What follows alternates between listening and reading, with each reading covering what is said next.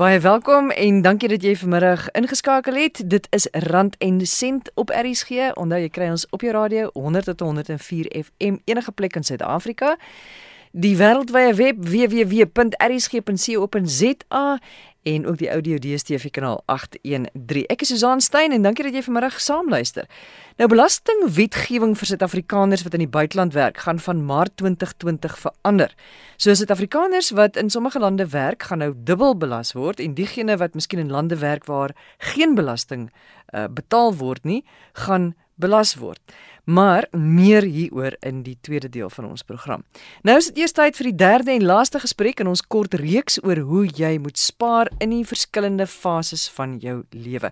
Die eerste gesprek het gegaan oor wat jong mense wat pas begin werk het moet weet van spaar. Verlede week het ons gekyk na spaarwenke vir diegene in die groep tussen 35 jaar en 54 jaar oud, wanneer jy nou al 'n bietjie meer gevestig is. En ons gas vandag weer Janet Maree, adjunk bestuurshoof van die Momentum Metropolitan Groep. Janet, vanmiddag kyk ons dan nou na mense kom ons sê bo 55 wat aftrede se kan toestaan as jy nog daai laaste paar jaar voor aftrede goed wil spaar en ook hoe mense spaar na jou aftrede. Eerstens jou spaarwenke vir mense wat nog so 'n jaar of wat oor het voordat hulle aftree. Susan, ek dink weer eens die belangrikste is eh, is om om seker te maak jou jou plan is nog op koers. Nou, jy weet, indien jy nog nie 'n finansiële raadgewer het nie, is dit nou seker die die heel belangrikste tyd in, in jou lewe om daarvan seker te maak. En die rede hoekom dit nou so belangrik is, is dat tydens jou loopbaan en selfs nou nog, nê, nee, want ek dink 55 is geweldig jonk nog om selfs aan aftrede te dink, maar ek dink jy's nou op 'n stadium waar jy moet seker maak dat jou langtermynbeplanning in terme van die feit dat jy oor kom ons sê ten minste die volgende 10 jaar gaan jy nie meer 'n salaris verdien. Jy gaan nie meer die sekuriteit hê dat jy daai salaris elke maand het nie. Jou som wat jy gespaar het, gaan nou vir jou moet begin sin maak. Hy gaan nou na jou moet begin kyk. So ek dink nou is dit baie belangrik om om seker te maak dat jy nog 100% reg is daar in terme van jou langtermyn aftrede. Nou nou is dit geweldig belangrik om asseblief nie te konservatief te wees met daai plan nie. Ons sien geweldig baie, seker die helfte van ons kliënte het te veel blootstelling aan kontant want hulle begin nou dink ek is 55 ek moet begin afskaal, ek moet seker maak dat ek risiko uithaal uit my portefeulje uit. Nou hier moet ons praat oor inflasie. Inflasie is jou grootste vyand oor die lang termyn. Hoekom is dit so? Kontant gaan nie inflasie klop nie. Inteendeel, nadat jy op jou kontant belasting betaal het, gaan jy slegter af. Met ander woorde, die koopkrag van jou geld gaan agteruit gaan. Hoekom is dit nou belangrik? As jy nou aftree met 'n inkomste, spesifieke inkomste, dan gaan jy seker moet maak dat daai inkomste kan tred hou met inflasie om seker te maak dat jy jou lewenstyl kan handhaaf. En onthou as jy nader aan aftrede kom, het jy steeds 40 jaar waarvoor jy beplan. Kom ons sê jy is 55.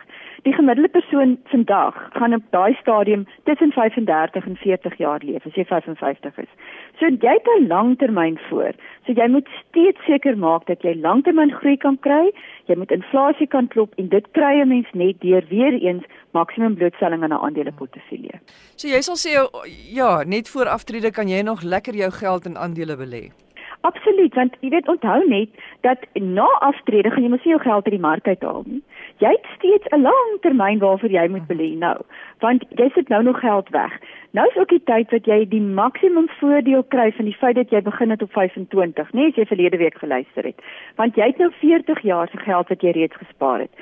Teen die tyd dat 'n mens by aftrede kom en dis miskien 'n statistiek wat ek vir jong mense moet noem, maar kom ek noem hom nou. Teen die tyd dat jy by aftrede kom, as jy jou geld goed bestuur het, is net 'n derde van die geld wat jy uitkry by aftrede, is net 'n derde jou bydraes. Die ander 2/3 is die groei wat jy gekry het, die saamgestelde rente, rente op rente wat jy deur die jare verdien het. Maar moet nou nie dink ek moet nou daai geld konservatief gaan belê nie, want jy het steeds 30, 35 jaar voor jou. Die waarde van saamgestelde rente nou raak eksponensieel want jy kry nou steeds rente op rente op rente op dit wat jy 30, 40 jaar terug begin spaar het. So om nie te konservatief te wees nou nie is geweldig belangrik. En om in, in daai stadium van 'n mens se lewe nog te begin dink om 'n eiendom te belê, en ek praat nou nie van jou eie huis nie, ek praat nou van ekstra eiendom. Wel, se eerstens dink ek, dis baie baie belangrik dat jy nou skuldvry moet wees. So jy moet nou werklik nie meer enige skuld hê selfs op 'n huis nie en dis nou jou huis waarin jy bly natuurlik. So jy moet nou skuldvry wees. kom ons sê jy het nou 'n lekker portefeulje opgebou. Weereens dis waar dit belangrik is, sien jou aandelemakelaar, sien jou finansiële adviseur, want eiendom is deel van 'n groter portefeulje. Jou buitelandse blootstelling is net so deel daarvan. Jou aandele blootstelling is net so deel daarvan. Die kontant wat jy moet hê sodat daar ook, jy weet, 'n stabiliteit in jou portefeulje is, sowel as eiendom. Nou kyk, as jy deur jou lewe, kom ons sê, die kennis opgebou het van die eiendomsmark en jy voel jy daai kennis en jy kan dit self bestuur, absoluut. Ek weet mense is baie keer baie passievol oor die feit dat hulle eiendomme het wat hulle deur die jare opgebou het. Dis wonderlik. Ek dink net nie as jy werklik nie die eiendomsmark ken dat dit nou die tyd is om daarmee te begin nie. Dink dis dalk riskant. Maar baie mense teen die tyd dat by aftrede kom met al 'n fantastiese groot eiendomsportefeulje opgebou. Ek dink jy moet begin dink aan likwiditeit in jou portefeulje. Verskaf daai eiendom vir jou inkomste, waarskynlik doen hy want jy het waarskynlik huurders daarin ensovoorts, maar dink ook daaraan dat as jy ouer raak en jy weet jy het behoefte aan groter kontant of jy nie dan in 'n krisis gaan sit as jy sukkel om van daai eiendom te laat raak nie. So begin konsolideer. Ek dink jy's nou in 'n konsolidasiefase van jou lewe. Nou goed, en sê jy nou letterlik miljoene het en jy weet jy kan uh, met 'n geruste hart vroeg aftree, dink ek stem ons saam dat 'n mens maar eerder langer moet werk as wat jy korter moet werk. So met ander woorde, jy moet oh. eerder daaraan dink dat jy nog op 65 kan werk of op 68 as wat jy nou dink op 60 gaan jy nou aftree. Maar nou ongeag of dit nou 60 is of 65 is, jy het nou afgetree. Hoe lyk jou spaar want jy kan nie jy moet nog sekerlik tog nou spaar. Jy kan nie nou net begin om jou spaargeld links en regs uit te gee nie.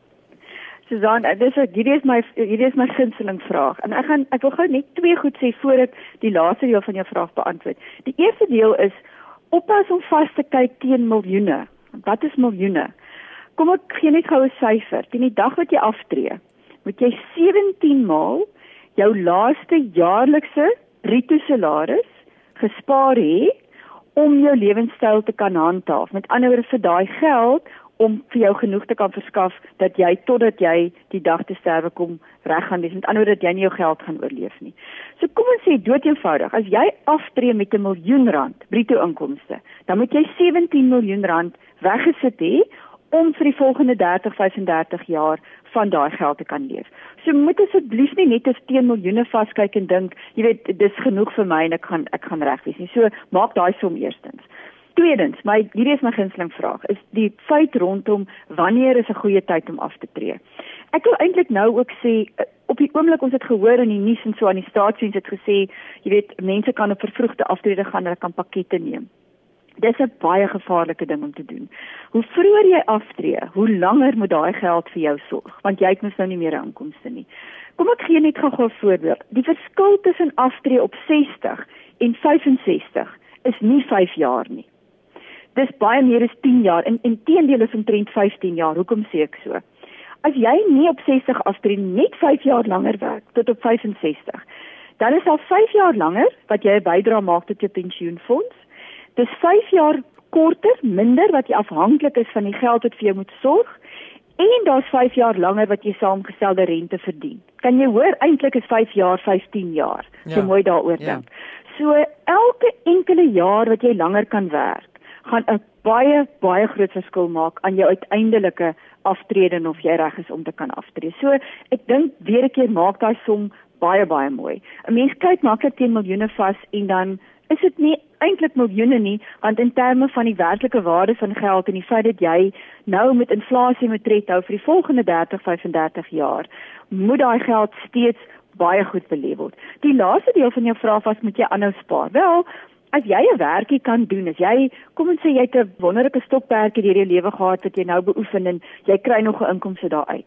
Spaar daai geld. Behou aan om dit weg te sit want natuurlik gaan dit vir jou help in die tye wanneer jy miskien later wanneer mens ouer raak jou mediese inflasie raak hoër jou mediese onkoste raak hoër. So alles wat jy nie kan gebruik nie en ekstra kan wegsit gaan op die langtermyn 'n baie groot verskil maak.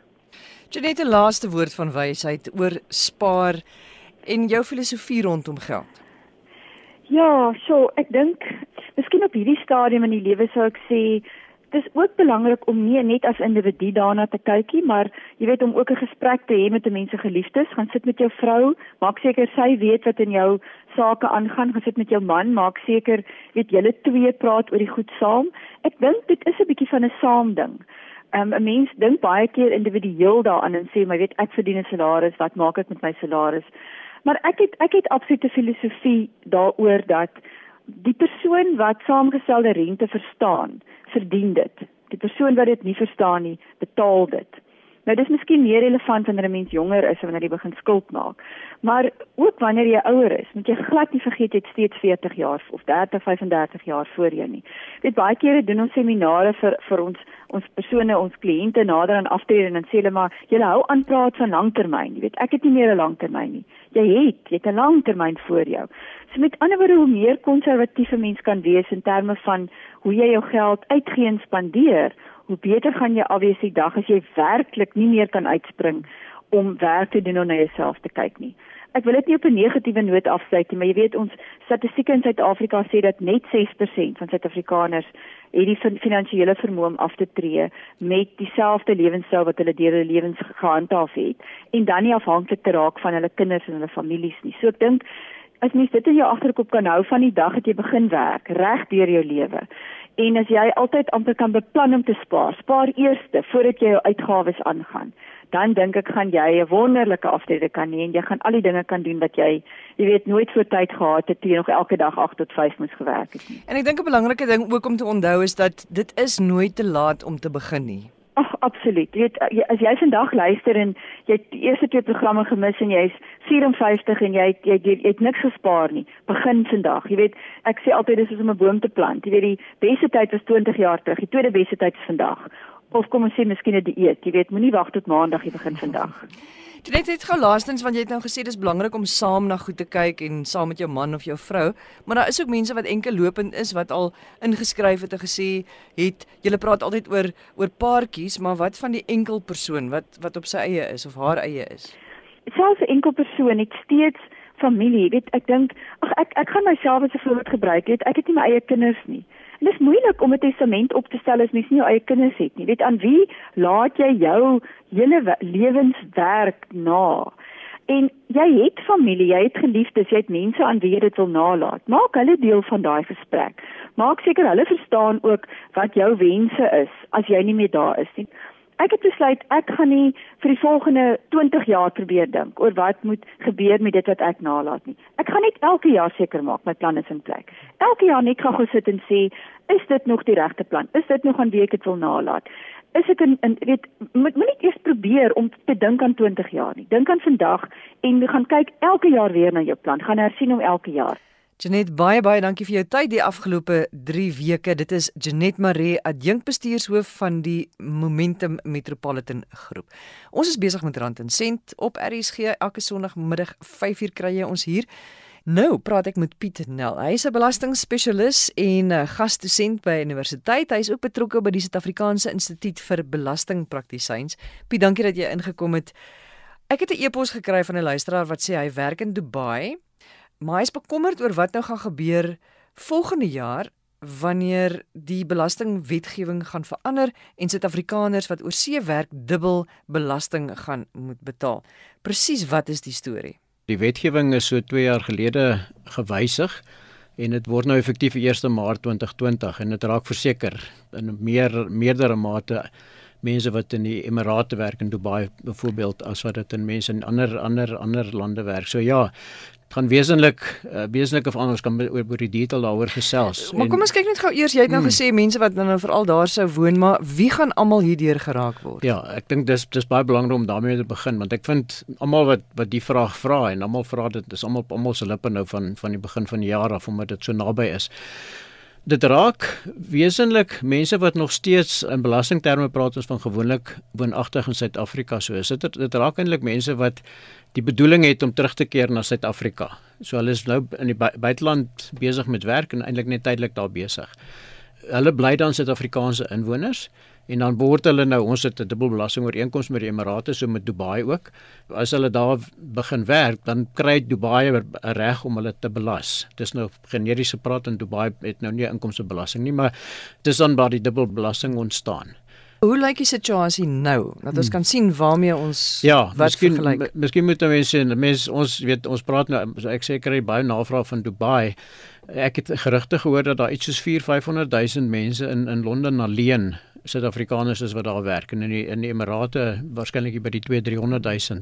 So dis daar's verskillike baie, maar dan is hulle reg oor die wêreld. Ek ja. het 'n navraag gehad van iemand wat in Kazakhstan werk, ek het in ja. Pole en sulke goed. So So hoe lyk die situasie? So, ja, die situasie nou is dat 'n Suid-Afrikaner wat oor see werk en besoldiging verdien en ons in dit word spesifiek in die belastingooreenkomste en in die wet omskryf is maar meestal salaris, byvoordele, jou toelaas en die goed wat jy daar kry en aandele opsies en sulke goed word glad nie in Suid-Afrika belas op die inkomste wat in die buiteland verdien word nie. So die posisie is terwyl Suid-Afrika op 'n wêreldwye basis belas, so as jy as jy as onafhanklike kontrakteur oor see gaan werk, gaan jy nog steeds in Suid-Afrika belas word, maar 'n persoon wat 'n werknemer is en oor see werk, daai inkomste word op hierdie stadium tot die einde van Februarie 2020 glad nie in Suid-Afrika belas nie. En dis so, die, jy, dis die posisie, ja. So jy werk in Londen, jy verdien 'n inkomste daar en jou inkomste word daar belas. Maar jy moet dit nog steeds hier opgee, nee. Jy gee dit op hierso, maar dis belastingvry in Suid-Afrika. So dis die posisie tans. En met die verandering volgende jaar gaan jy dan nou daar belas word sowel as hier, maar Correct, hoe? Ja, die, ja. Die, so met... die voorstel het gekom omdat die staat op daai stadium geld nodig het en nou nog geld nodig het. So ons ons druk om dit gewysig te kry, maar ons gaan dit nie regkry nie.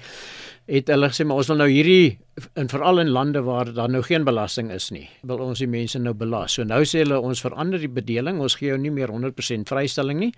In Suid-Afrika, jy moes dit altyd hier verklaar het met belastingvry verklaar. Jy gaan dit nou hier verklaar en dan gaan dit ook belas word. En dis waar die dubbelbelasting oor een uh, uh, inkom, maar daar's verligting vir die dubbelbelasting. Watter wanopvattinge bestaan daar ja, hieroor? Ek dink die prentjie is wel donker. Aanvanklik was die belasting voor die wysigingswet het gesê ons skrap eenvoudig volledig hierdie ding. So dan het ons geen voordeel gehad nie. Nou het hulle 'n perk ingebring van 'n miljoen rand. So hulle sê ons gaan 'n miljoen rand van jou oorseese salaris gaan ons vrystel en die res gaan ons in Suid-Afrika belas. Miskien moet ou net sê die wesentlik was die rede hoekom Suid-Afrika belas het nie is om verligting vir dubbelbelasting te gee. So hulle het gesê as ons belas, dan moet ons jou krediet gee vir die oorseese belasting. Nou sê hulle ons gaan dit belas en ons gaan net die eerste miljoen vrystel. Maar goed, sê nou maar ek hmm. werk nou in Dubai. Ek uh, het geen inkomstebelasting wat ek betaal nie, nie daar nie, ja. hier nie. Dis nou baie lekker. Maar volgende jaar sê Suid-Afrika, goed, van 1 Maart 2020 af gaan jy in Dubai werk, maar ek gaan jou wel belas, maar eers die bedrag wat jy meer as 'n miljoen rand, kry. Maar wat nou ja. as jy in Londen werk waar jy in elk geval nou belasting ja, betaal? Ja, Hoe so, gaan dit dan? Dit werk? gaan presies dieselfde wees. So so in Londen gaan Suid-Afrika dan nou ook jou Londen se besoldiging belas en maar dan gaan hulle jou krediet gee vir die buitelandse belasting. En 'n mens moet dalk rand en sentie bysit. Ek dink die meeste van hierdie mense verdien baie meer as 'n miljoen rand. So die miljoen rand is vir die mense 'n groot probleem. So kom ons sê die persoon verdien 5 miljoen rand. Ja, die gemiddeld is seker so 5, 6 miljoen wat die wat die mense oor see verdien. Omdat daar baie toelaas ook by betrokke is. Jy moet behuising vir die ouens baie keer voorsien en so. Maar nou sal sal die Engelse of die Amerikaners of wie ook al sal dan dit belas. En daar sekerre belastings wat daarop gehef word wat dan ook 'n inkomstebelasting in in insluit. En nou kom Suid-Afrika en hy sê, "Wel, jy is nou 'n persoon wat meer as 1.5 miljoen verdien." Dit is 45% belasting, maar nou vat ons daai 5 miljoen ons verminder om met 'n miljoen rand en dan bereken ons jou belasting. Nou sê ons goed, proporsioneel het jy nou op die volle 5 miljoen in Engeland ook belasting betaal en nou gee ons jou belastingkrediet vir daai oorseese belasting. So tegnies gaan jy dan net as dit in Suid-Afrika se koers is meer as die ander. So jy gaan dan net die verskil in Suid-Afrika moet bybetaal. So die feit bly staan, jy gaan meer opdok aan belasting. Ongeag waar in die wêreld jy werk, jy gaan, jy gaan meer opdok, meer opdok ja, aan, ja, aan belasting. belasting ja, ja. So dit is nou die persoon wat nou vir 'n jaar of 10 of 12 in die buiteland gaan werk, maar wat sy Suid-Afrikaanse burgerskap behou mm. en wat sê ek kom terug Suid-Afrika toe, maar ek gebruik nou net hierdie geleentheid. Maar wat van die persoon wat sê, weet jy wat, ek emigreer, ek sluit af hier, ek gaan ja, woon daar. Ja en ek dink dit is en dis weet gevra oor van die wanopvattinge. Dis waar waar een van die groot wanopvattinge is. Ek daar's my so die al, algemene persepsie dat mense dink ek gaan werk vir 5 jaar in Dubai, so ek betaal nou nie meer belasting in Suid-Afrika nie en ek is eintlik ek het eintlik half dink hulle geëmigreer. Dis absoluut verkeerd. As jy emigreer, So as jy permanent Suid-Afrika verlaat en is 'n formele proses, ou moet die Reservebank in kennis stel, jy moet ontvanger in kennis stel en dis 'n hele proses. Dan sê jy ek is nou glad nie meer ek het geen bedoeling, ek verlaat die land permanent, geen bedoeling om terug te kom Suid-Afrika toe in die toekoms. Jy kan verander seker, maar maar die gedagte is jy gaan nie hmm. terugkom nie dan verloor Suid-Afrika belastingreg op jou. So hulle nou is jy nie meer 'n inwoner nie. Ons belas op inwonerbasis. So nou gaan werk in Dubai en ons kan jou nie belas nie. So dis wat die mense nou almal aanbeveel word om wat wat sê buite die belasting te bly. Hulle wil nou emigreer om om daai belasting dan nie te betaal nie. Maar dink jy meer mense gaan nou emigreer? Daar's baie mense wat emigreer, maar die die probleem met die emigrasie en dis dit, dit bring ons by ander punt. Die probleem met emigrasie is eh, of dis soos ek dit verstaan, as ek uit een land uit emigreer, moet ek in 'n ander land immigreer. Hmm. Daar's net een persoon wat ek van weet wat glad nie burgerskap in enige land het nie, maar hy het 'n paar paspoorte en hy hy bly op 'n skip en, en op, op vliegtye en sulke goeder. So vir die meeste van ons is dit nie beskore nie. So as jy wil immigreer, dan moet jy 'n ander land hê wat jou aanvaar. Nou Dubai is is die beste voorbeeld om te praat. Jy kan nie 'n burger daar word nie. Jy kan nie eers met 'n plaaslike inwoner trou en dan hoop jy gaan burgerskap kry nie. Daar's net 'n manier wat jy dit kan word nie. So die aanbevelings wat die mense nou kry is hulle immigreer nou Panama toe om in Dubai te werk. Nou vir my is dit verkeerd. Hmm. Ehm um, daar's 'n ander manier om dit reg te kry en dit is waar die dubbelbelasting ooreenkom. So ons ons sê hierdie dubbelbelasting ooreenkom gee vir ons die geleentheid om die feit dat albei lande jou belas op dieselfde inkomste in 'n mate aan te spreek. Maar dan gee die dubbelbelasting ooreenkoms of dan beding ons dit ook so in die ooreenkomste dat ons alleen belastingreg eintlik vir een land gee en dit word gedryf op eintlik maar dieselfde beginsel die beginsel van inwonerskap maar dan kan die dubbelbelasting ooreenkoms bepaal wanneer as jy inwoner. Nou hoe dit werk in die praktyk is jy kyk in die dubbelbelasting ooreenkoms. So Dubai ooreenkoms sê as jy uh hulle praat van 'n residency permit het.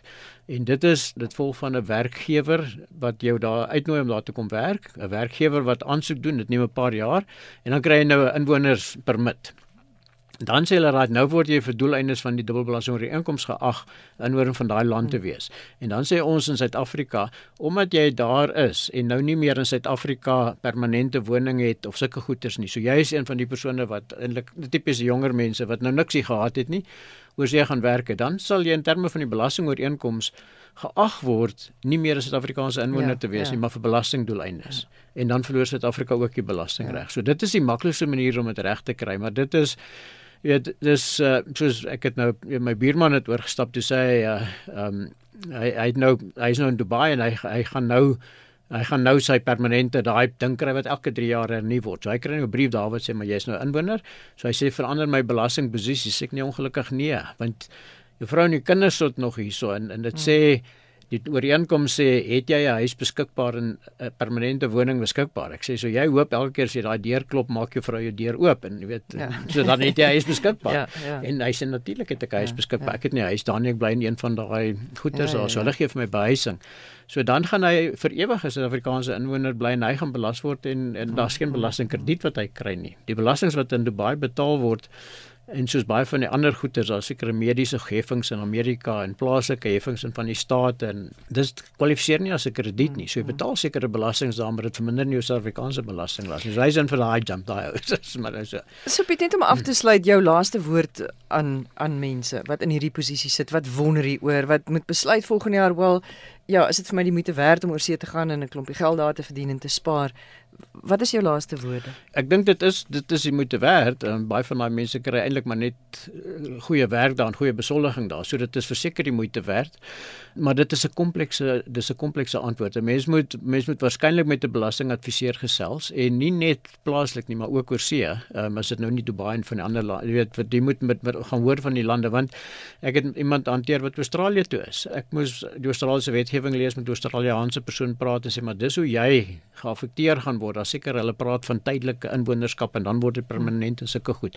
So is 'n komplekse ding mens moet daaroor gesels en dan moet jy berekenings doen en kyk hoe dit jou kos. Daar's ek ek hoor van 'n groot werkgewer wat by die 6 7000 mense oor see het wat sê dat van sy mense sê ons gaan nie meer in die buiteland werk nie want hierdie is 'n bykomende belastinglas in Suid-Afrika. Ons het berekeninge gedoen ek gaan nie meer kan leef nie want ek moet geld terugbring Suid-Afrika toe, so ek gaan nie meer daar werk nie. So mens moet mens moet regtig kundige advies inkry voor jy besluit hierson neem.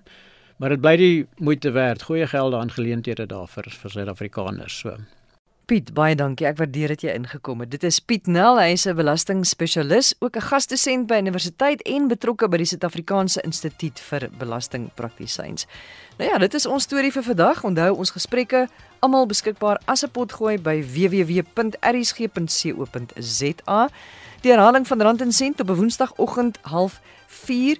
Volgende Sondag gaan ons kyk hoe jy met aandele kan begin speel want dit is ook 'n vraag wat ek baie kry en ons gaan holisties praat oor skuld. Sukses vir jou vir die week wat voorlê. Van my Susan Stein. Ek sien uit daarna om jou volgende Sondag weer te sien. Totsiens.